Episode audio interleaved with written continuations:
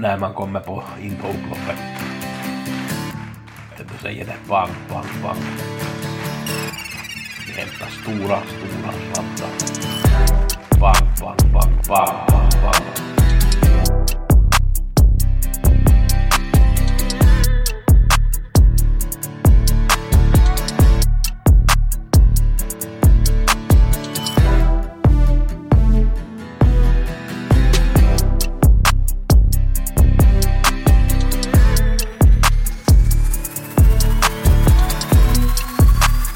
Vi har Gusse med årets första veckopodd. Ett riktigt gott nytt spelår åt er alla.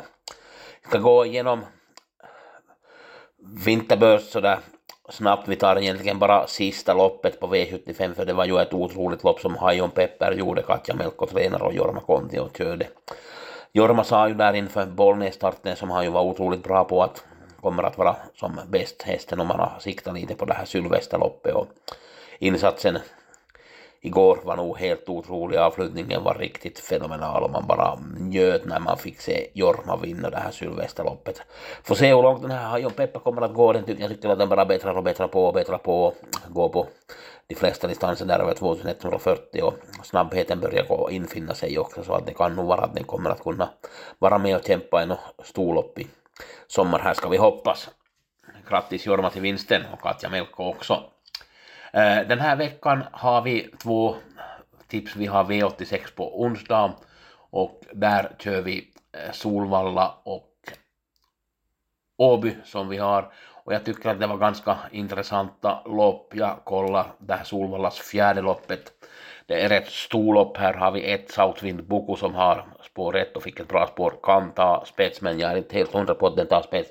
Jag är lite mer inne på att det är nummer tre Daytona Rock som tar spets. Den var ju tvåa efter Heartbeat Jolie på Mantorp senast. Vi var ju med där i öppningen och fick inte tag på Heartbeat Jolie som tog spets och Daytona Rock gick i ryggledaren fick luckan där till slut man försökte utmana men det var nog lite svårt men nu har den ju ett bättre spår innanför Heartbeat Jolie och de här två är ganska jämnt spelade så att det är ju intressant att båda två bör kanske sträckas och jag gör rankingen så återstår ju sen att se och här har vi ju också Crazy Life som har väldigt, väldigt bra form. Jorma har varit nöjd med hästen de här senaste starterna och den är nog bara några procent spelad så att det här loppet ser jag verkligen fram emot att få se hur det kommer att bli kört. Eh, då har vi ju V75 på Romme på lördagen.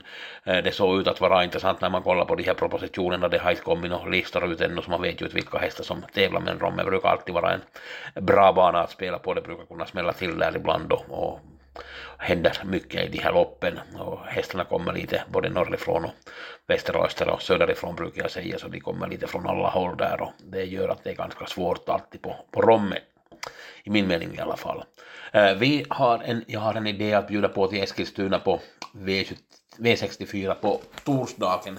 Den här Brunello Hall var man väldigt nöjda med inför loppet på Mantorp 23.12 och det var ju ett tufft V75-lopp som den blev fyra i. Det var Vinne Brodde som vann för Midnight Special och Nine Points Lasse och Brunello Hall var fyra i det här loppet var 50, 58 gånger spelade på vinnarspel och man trodde till och med att det skulle ha haft chans att vinna där och jag tyckte att den gjorde det jättebra. Nu är den perfekt in i serien. Det är 675 pengar där på 20 tillägg och den har 673 600 som pengar så att skulle den ha varit tre så skulle den inte fått vara med någonting här.